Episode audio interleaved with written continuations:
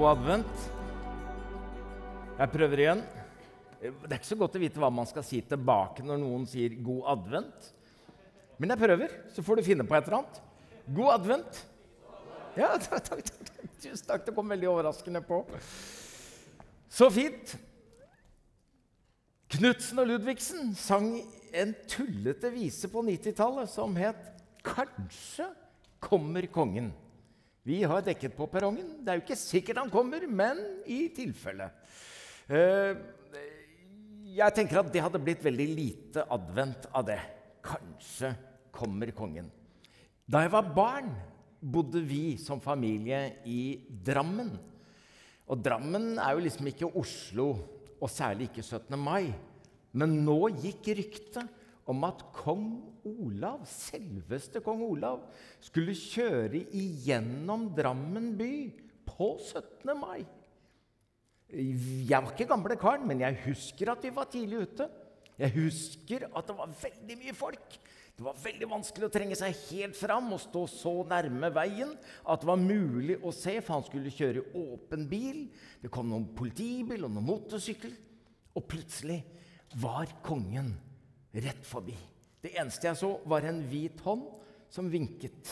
Og jeg tenkte jeg har sett kongen. Det gikk fort over, men det gjorde et dypt inntrykk. Et reklamebyrå som holdt til bak Slottet, syntes det var veldig fint å sette opp et stort banner rett før jul for noen år siden. Og det var å melde til Harald, kongen, i jula er det Jesus som er konge. Jeg syns det er veldig morsomt. Det er et eller annet om at reklamebyrået bare minner kongen om at det fins én som er konge over alle konger. Og jeg tror at kong Harald syntes det der var ganske morsomt og tok det med et smil.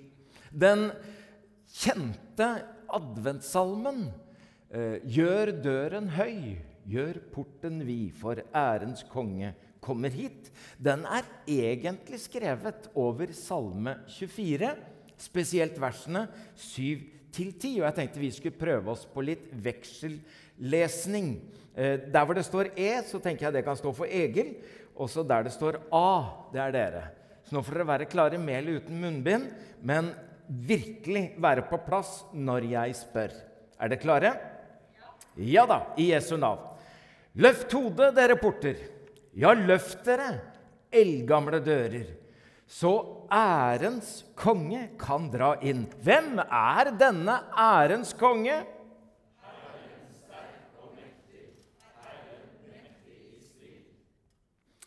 Løft hodet, dere porter. Ja, løft dere, eldgamle dører, så ærens konge kan dra inn. Hvem er han, denne ærens konge?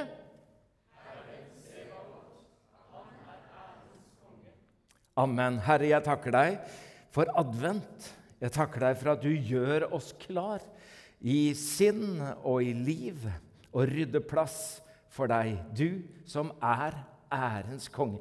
Jeg ber om hjelp til å gjøre hjertedøra mi høy og porten vid, sånn at du kan komme inn i større grad i mitt liv. Amen. I Jesu navn. Advent betyr egentlig ankomst kommer fra det latinske 'adventus'.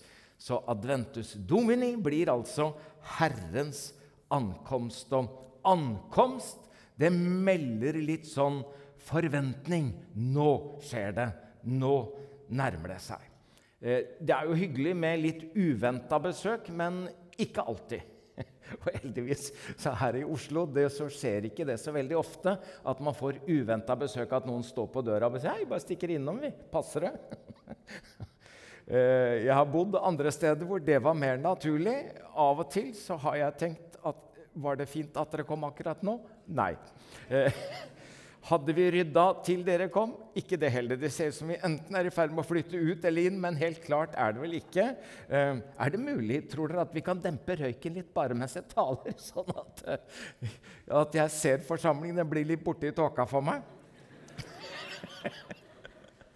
uh, hvor er det jeg var hen? Jo, jeg var dette med adventstid er jo også en fastetid. Og nå er vi inne i det vi kaller den lille fasten. En periode så er det jo rett og slett sånn at faste er at man velger noe bort for å velge noe viktigere inn. Det betyr at man rydder. Man rydder i sinnet, men man rydder i livet. Og det man gjør, er jo å rydde plass til Herren, Han som kommer. Altså advent, ankomst. Og Johannes døperen hadde en sånn ryddejobb å gjøre i Israels folk. Han var en forløper, en veirydder. Og denne døperen Johannes han er altså en røst som roper i ødemarken. Rydd Herrens vei. Gjør hans stier rette. Hver dag skal fylles, hvert fjell og hver haug skal senkes. De krokete veier skal bli rette, de steinete stier jevne alle mennesker skal se Guds frelse. Rydd vei. Skap rom. Sett til side. Gi plass. For det er jo denne lille setningen i juleevangeliet som alltid svir lite grann. Hun svøpte ham og la ham i en krybbe fordi det ikke var rom for dem. Altså, de var ikke forberedt. I ettertid så må de ha tenkt Oi, at vi ikke har satt av et rom, at vi ikke hadde gitt plass, at vi ikke hadde rydda, at vi ikke bare møtte dem og sa 'Kom hit, vi har venta på dere'. Det var så overraskende, og de var så dårlig forberedt. Advent skal hjelpe oss med den ryddinga og gjøre plass. Og En av de mest kjente adventssalmene er jo da nettopp denne som er bygget på Salme 24, som vi nettopp har lest. Eh, versene 7-10, eh, og som heter 'Gjør døren høy og porten vid, den ærens konge kommer hit'. Og så sier et av versene 'Gjør døren høy, riv stengsel ned'. I hjerterom for han bered. Så kommer ærens konge sterk og fremmer i deg alt Guds verk. Advent det er en fantastisk tid. Altså ankomst, Herrens ankomst. Og dette skal skape i oss en positiv forventning. Altså Forventning i seg selv behøver jo ikke være positiv. For når du har forventning om at noe vondt og tragisk kommer til å skje, da er forventningen vond. Den positive forventningen er forventningen at det som skal skje, kommer til å innebære en positiv forandring. Og da er forventningen av det positive som kommer til å skje, det påvirker livet allerede nå og gjør meg optimistisk og håpefull. Som jeg venter på sola i mørketida. Som vi kan vente på regn i tørketida. Som vi gleder oss til mat når vi er sultne gleder oss og forventer lønningsdagen når vi er blakke. Og så går vi og venter barn når vi er gravide. Og det sies jo at den som venter på noe godt, venter ikke forgjeves. Og det Er klart at er vi i nærheten av barn det er klart, Jeg vet ikke hvordan akkurat du har det. Jeg så en definisjon på skuffelse forrige dagen. Det var Skuffelsen var når man våknet 1.12. og strømpa hang der, men var tom. Det er definisjonen på skuffelse. Og skuffelse er egentlig ikke innfridde forventninger. Men når vi er i nærheten av barn Vi har bare 13 barnebarn, så vi er jo i nærheten av noen. Det er jo fantastisk, på en måte, denne her voldsomme greia i advent. Og vi får litt hjelp. Nå, I år har jeg bare to julekalendere. Det er lakris i begge. Det er litt forskjell på kvaliteten. og Det er bare sånn, det er litt høytid liksom å åpne opp i dag luke fem, og det kommer ut to gode lakriser. En søt og en salt. Altså, Det ikke, skal ikke mer til.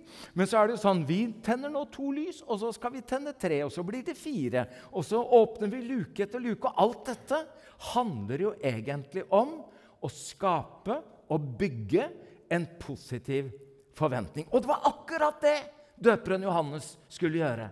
Han skulle skape skape denne forventningen i folk. At det kommer til å skje noe som innebærer en stor forandring. Og det står Folket gikk nå med forventning. Og alle tenkte i sitt stille sinn at Johannes kanskje var Messias. Og da kunne han si nei, nei, nei, det er helt feil med denne forventningen.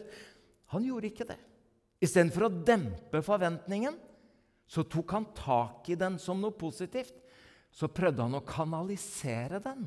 Akkurat det syns jeg er viktig at Kirka gjør i advent, hvor alt kommersialiseres, og hvor alt handler om julekalendere og julegaver. Så kan vi tenke det er positivt at det fins en periode i året hvor forventningen er så høy.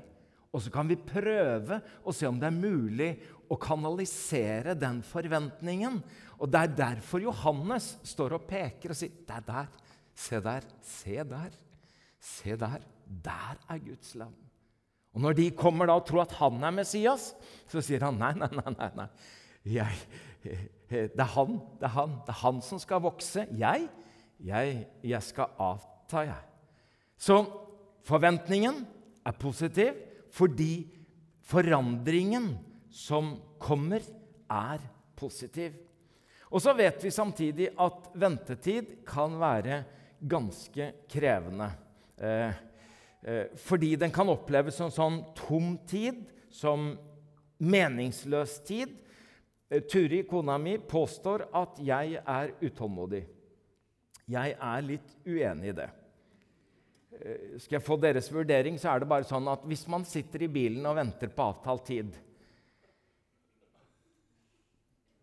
Og man har ventet i ti minutter før man tuter. Er man da tålmodig eller utålmodig? Hun krangla litt med meg etter formiddagens gudstjeneste og sa da at Egil, eh, si heller fem minutter enn ti. Jeg tror det ligger på rundt åtte da, før jeg begynner å tute. Men jeg kjenner jo igjen det. Jeg blir urolig. Altså, hallo! Hadde ikke vi avtalt? Er det ikke nå? Og så begynner jeg virkelig å bli litt sånn ah. Og hva skjer med oss i ventetid? Jo, da kan vi jo fort begynne å lure på har jeg tatt feil. Er det feil dag? Er det feil sted? Er det feil tid? Har jeg misforstått? Står vedkommende et annet sted? Eller har vedkommende bare sagt 'nei, dette gidder jeg ikke allikevel', og ikke gitt beskjed? Det er jo alltid i ventetiden at disse tingene kommer. Og så oppleves det som misbruk, nærmest som en sånn passivt ineffektivt. Det er jo derfor vi må ha bredbånd med fiber, sånn at det går fort nok. Vi ikke har tid til å gå inn på McDonald's, men tar drive-in isteden. Og så har vi ikke tid til å lage maten selvfølgelig fra bånn, men vi setter den i mikro. Altså, all ventetid tenker vi ofte blir tom, meningsløs tid som skal forkortes og på en måte fjernes hvis det er mulig. Noen av oss er så gamle at vi husker KLM, kirka, eh, unnskyld, Kirkevåg, Lystad, Mjøen. Det er bare helt hinsides morsomt. Dere skulle bare sett det. Altså, når de da parodierer en sportsrevyanker som het Sølve Grotmål, som de da konsekvent kalte Grove Sjølmål som da kommenterer EM i venting i en utendørs ventehall i Dortmunter-Wartehall. Er det mulig? Eh, og han sier 'no verte spanande', for nå skjer det absolutt ingenting. Og EM venting går egentlig bare ut på hvor lenge orker du å vente før du reiser deg og går. Og til slutt så er det bare tre igjen, og så er det to igjen. Og akkurat dette året fikk Norge europamesteren i venting. Og da sier Kjølve Gråtmol dette har vi venta lenge på. Og Konsekvensen av dette, at vi nå har fått en europamester i venter, må bety at nå får vi flere venterom og venteværelser her i Norge. Og jeg har bare fastslått én ting. Jeg hadde aldri blitt europamester i venting. Ikke engang distriktsmester hadde jeg blitt, for jeg er for utålmodig. Hva skjer med deg når du venter? Hva gjør ventetida med tankene dine, med troen din, med livet ditt?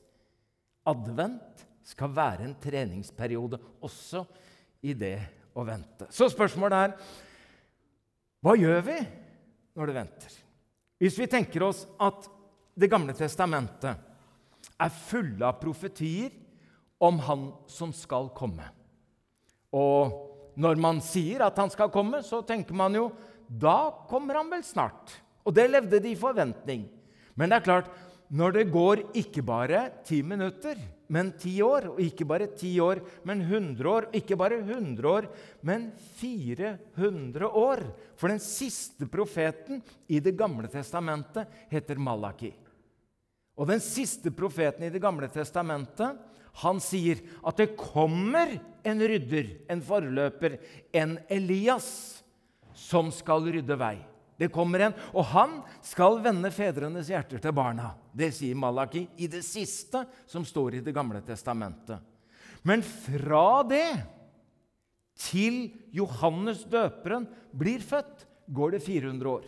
Det er ikke bare EM i venting, det er VM i venting.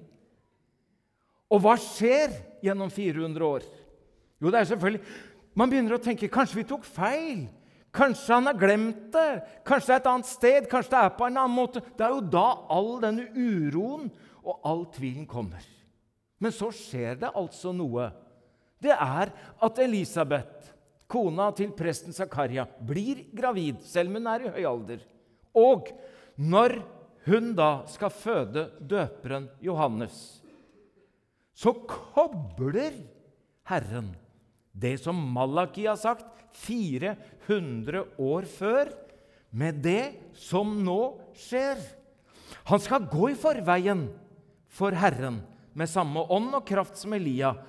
Og så er det ordrett for å vende fedrenes hjerter til barna, for å gjøre i stand for Herren et vel forberedt folk. Hva sier dette meg? Det er at vi kan begynne å tvile når det går ti minutter eller det går noen år. Vi tenker Gud, han har sikkert glemt det. Men Gud glemmer ikke hva han har sagt, og hva han har lovet. Så selv 400 år etterpå så gjentas dette for å bekrefte at Gud husker, Gud vet, og Gud holder ord.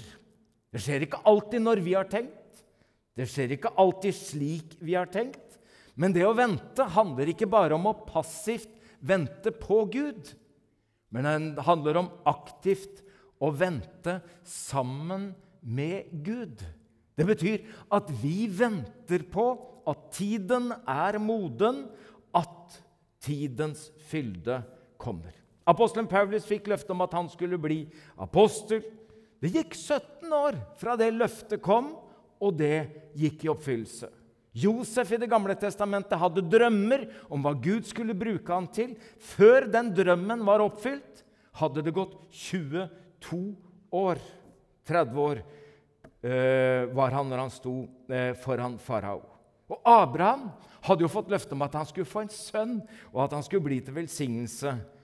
Det gikk 25 år, og jeg tenker det er mer enn 10 minutter. Det er mer enn et år eller tre. Hva skjer med oss når vi venter?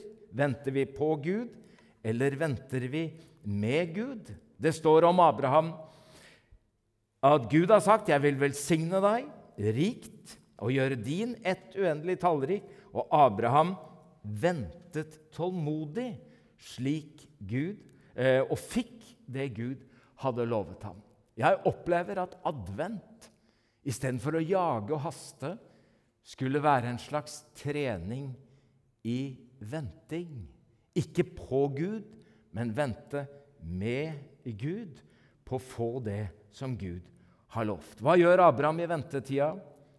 Han velger å ikke se seg blind på mørket, men leiter etter lyspunkter. Og de lyspunktene finner han i stjernene i himmelen.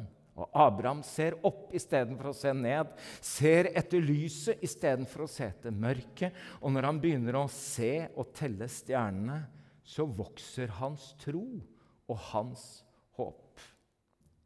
Levi Petrus, den svenske pinsehøvdingen, var gift med norske Lydia. De ventet sitt første barn, og Lydia ble veldig sjuk. Ble så sjuk at det sto om livet både til mor og barn. Og Levi og Lydia mistet barnet, men Lydia overlevde. Da skriver Levi Petrus sangen Løftene kan ikke svikte.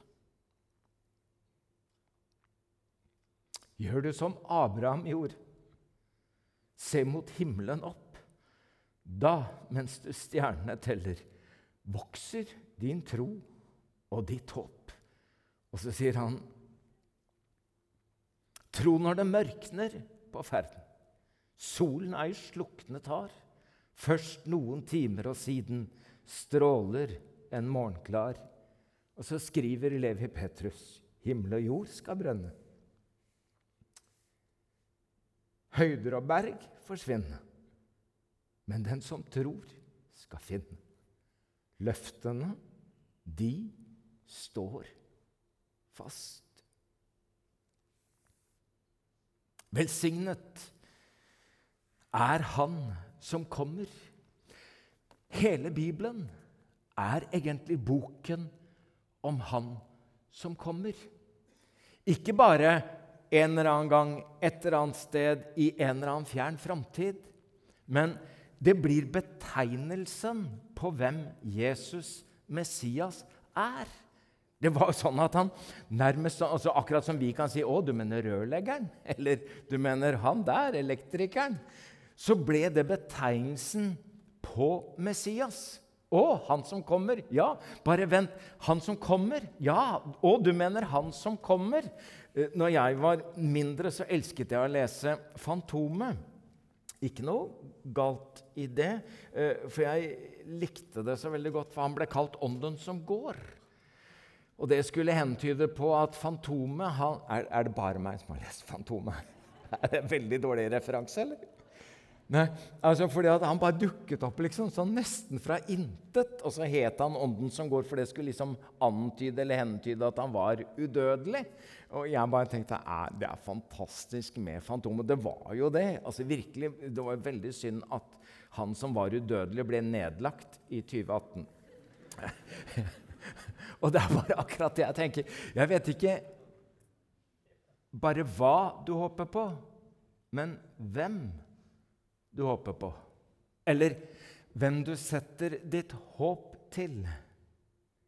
For faren er jo at vi finner ikke bare tegneseriefigurer, men andre figurer og idoler og idealer som blir lagt ned før eller siden.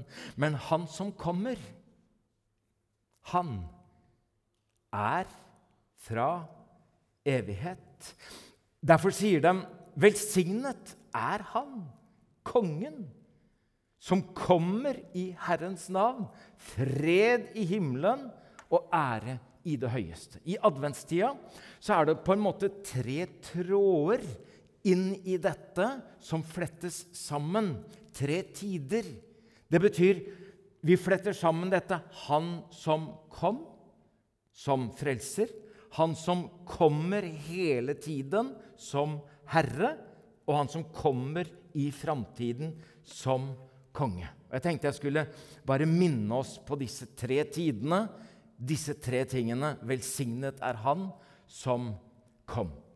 Hele Det gamle testamentet er jo da en annonsering av Han som kommer. Mer enn 300 profetier, sagt over 500 år, kan knyttes som løfter og skal vi si, forutsigelse om Han som kommer. Dette skapte tydeligvis forventning om Han som kommer. Når de hadde det veldig godt, da var det ikke så viktig. Når de hadde det veldig vondt, så anklaget de Gud for at han ikke holdt ord, eller fordi at dette tok altfor lang tid. Hvor er Han som kommer? Og så står det Men i tidens fylde sendte Gud sin sønn. Og i tidens fylde, altså 400 år etter Malaki, når den begynner å nærme seg, da skjer det en slags sånn profetisk aktivering.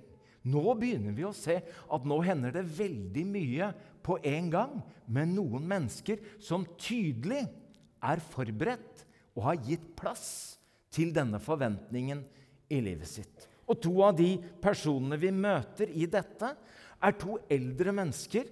Vi antar at begge er gamle. Anna er iallfall gammel, for hun er over 80 år. Anna Fanuels datter. Den andre er Simon. og Da skal man tenke han var sikkert øverste prest det året. Nei, det står bare at han var gudfryktig. Gud er ikke så veldig bundet til våre posisjoner. Han finner et hjerte, og det hjertet har han funnet i Simeon i tempelet.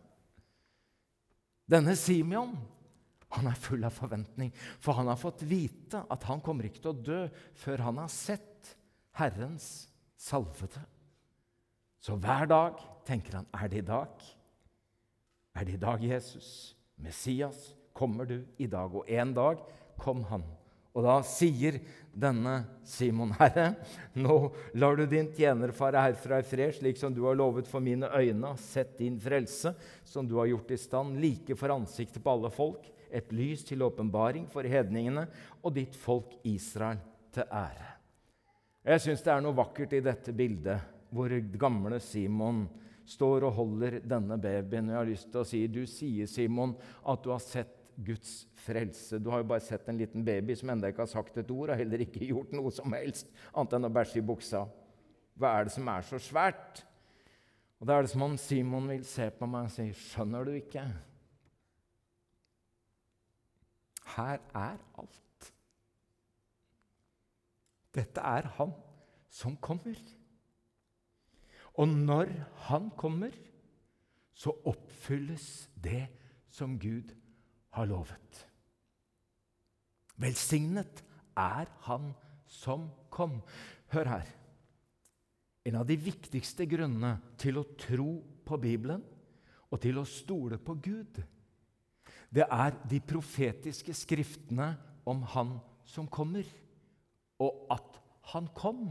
Måten han kom på, stedet han kom, og hva som skjedde, hvem han var, og hva han gjorde, skaper tillit og skaper positiv forventning.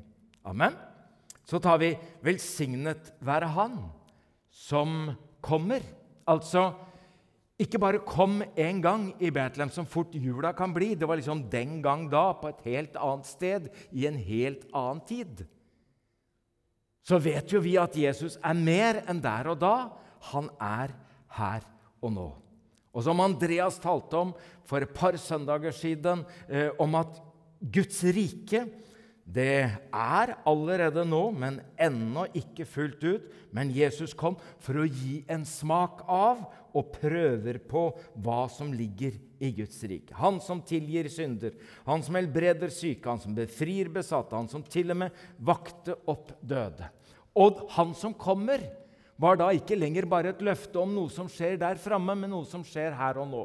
Og det disiplene opplever, er jo akkurat det. Han kommer når de er redde. Han kommer når de har sviktet og falt. Han kommer når de tviler og ikke tror. Han kommer når de er i ferd med å gi opp. Og han kommer når alt håp er ute. Hvis du googler, bibelgoogler setningen 'Da kom Jesus', eller da Jesus kom, så får du mange treff. For den setningen går igjen i evangeliene. Den og den situasjonen oppstår, det og det skjer, eller det og det skjer ikke. Og så står det Da kom Jesus. Eller da Jesus kom. Og så skjedde en positiv forandring med hans komme inn i deres liv. De trodde jo at når de så han dø på korset, og til og med ble begravet, og stenen var rullet for at de hadde sett han for siste gang. Det var om kvelden, samme dag, den første dagen i uka. Var frykt for jødene hadde disiplene stengt dørene der de var samlet. Og så står det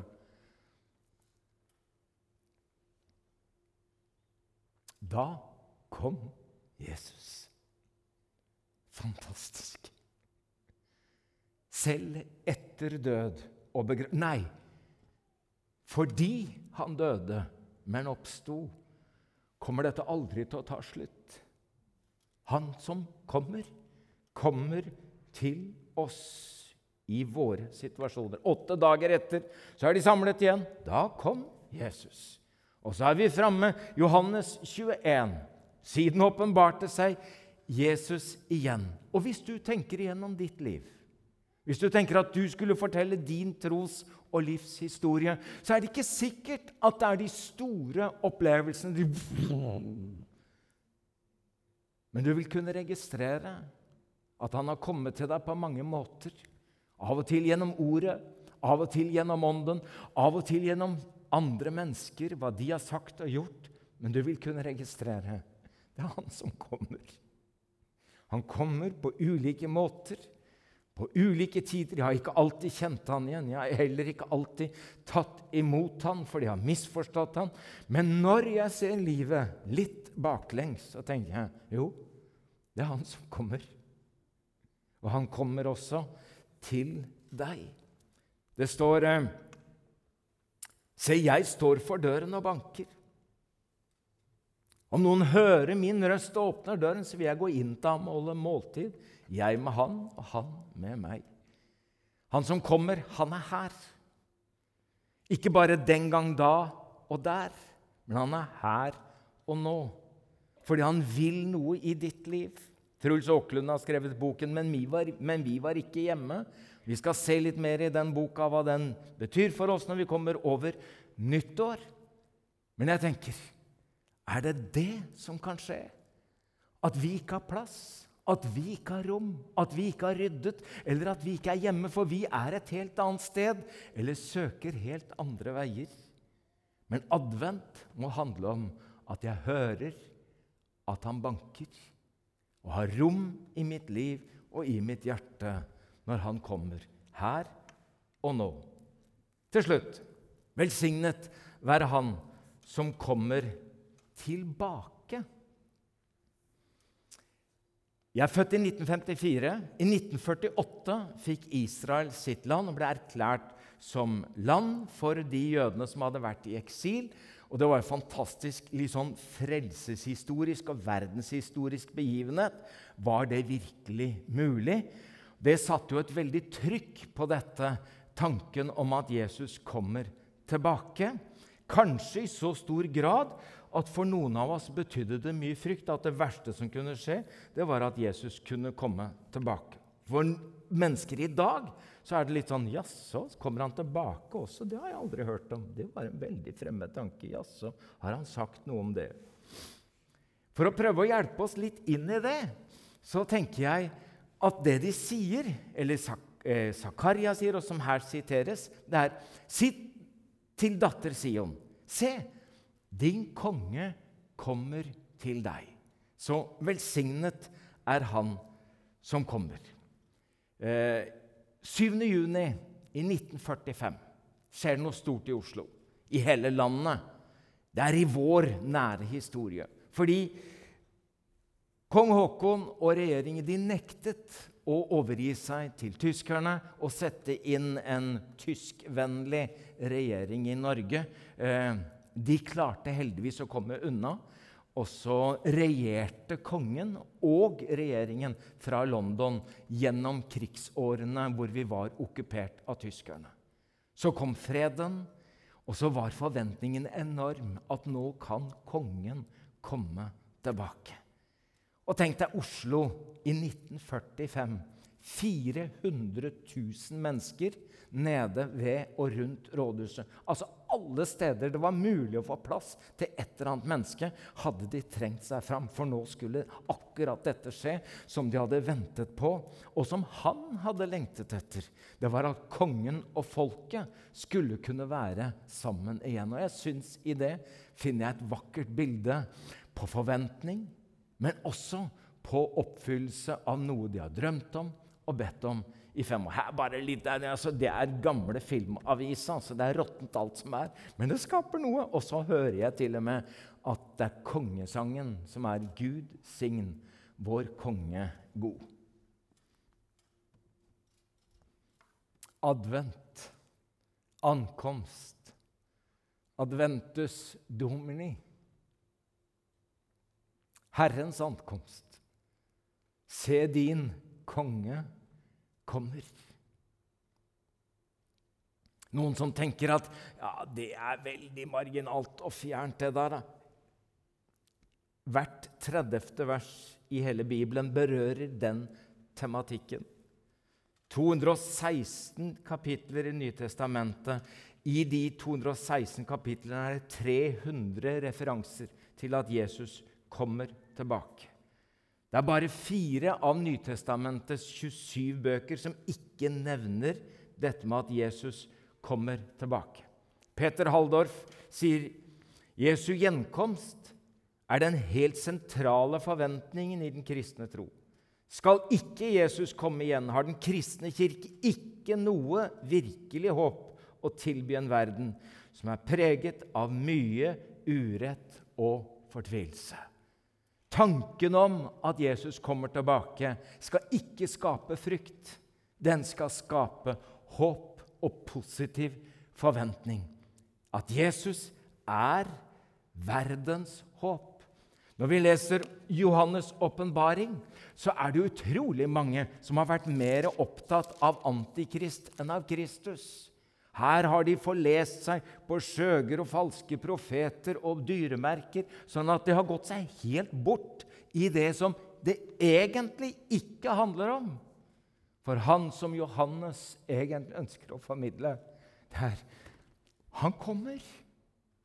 Det som er håpet når han ikke kommer her og nå, som du har håpet, som du har bedt om, og som du har forventet. At hans løfter skal oppfylles i dette livet, på denne siden av død og grav. Så kan det få veldig mange til å tenke ja vel, han har glemt det. Han er ikke til å stole på. Så skal du gjennom hele livet, gjennom alle ting, få lov å tenke han kommer. Han kommer, han kommer. Velsignet er han som kommer. Og kommer han ikke mens jeg lever, så kommer han allikevel. Jeg vil gå han i møte. Nå blir jeg så snart så salig at jeg sier et halleluja. Et lite forsøk på sånn tekstveksellesning igjen fra nettopp de siste versene i Johannes' åpenbaring. Man skulle jo tenke at boken slutter med 'ja', og så levde de lykkelig alle sine dager. Det begynner Nei, det slutter med en helt ny begynnelse en ny himmel og en ny jord. Hør. Han som vitner dette, sier, 'Ja, jeg kommer snart'. Ja, jeg skjønte at det kom litt brått på. Nå er dere bedre forberedt. Han som vitner om dette, sier, 'Ja, jeg kommer snart'. Jeg var pastor i Kristiansand i mange år. Hadde glede av hver tirsdag morgen å be sammen med han som hadde vært biskop i mange år, Erling Utnem.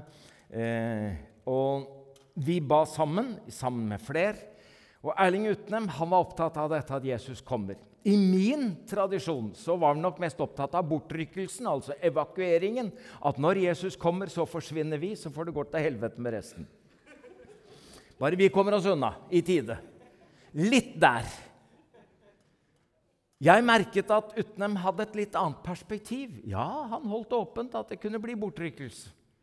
Men han var først og fremst opptatt av at han kommer, han som setter alle ting i rette stand.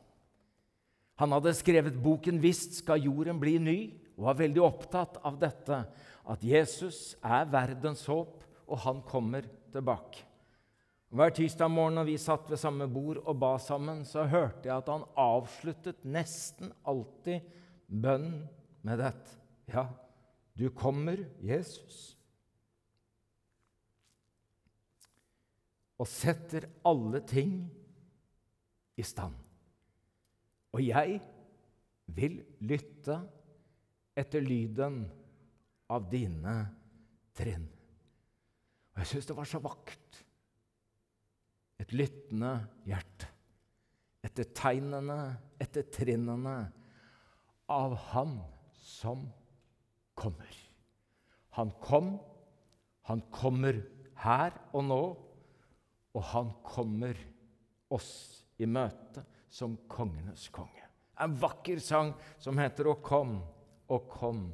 Immanuel, og den skal vi få høre nå. Så skal vi takke Jesus sammen. Herre, jeg ber om at advent ikke bare blir alt mulig surr, men jeg ber om tid og plass til å rydde og rense, i rom i sinn og tanke, men også i liv, til å gjøre større rom for deg i livet, i hverdagene og i kirka. Herre, jeg ber om det i Jesu navn. Jeg ber om at det må finnes rom for deg når du kommer, sånn at vi kan gjøre døra høy og porten vid, og at du kan berede plass i våre liv. Og kom, og kom, Immanuel.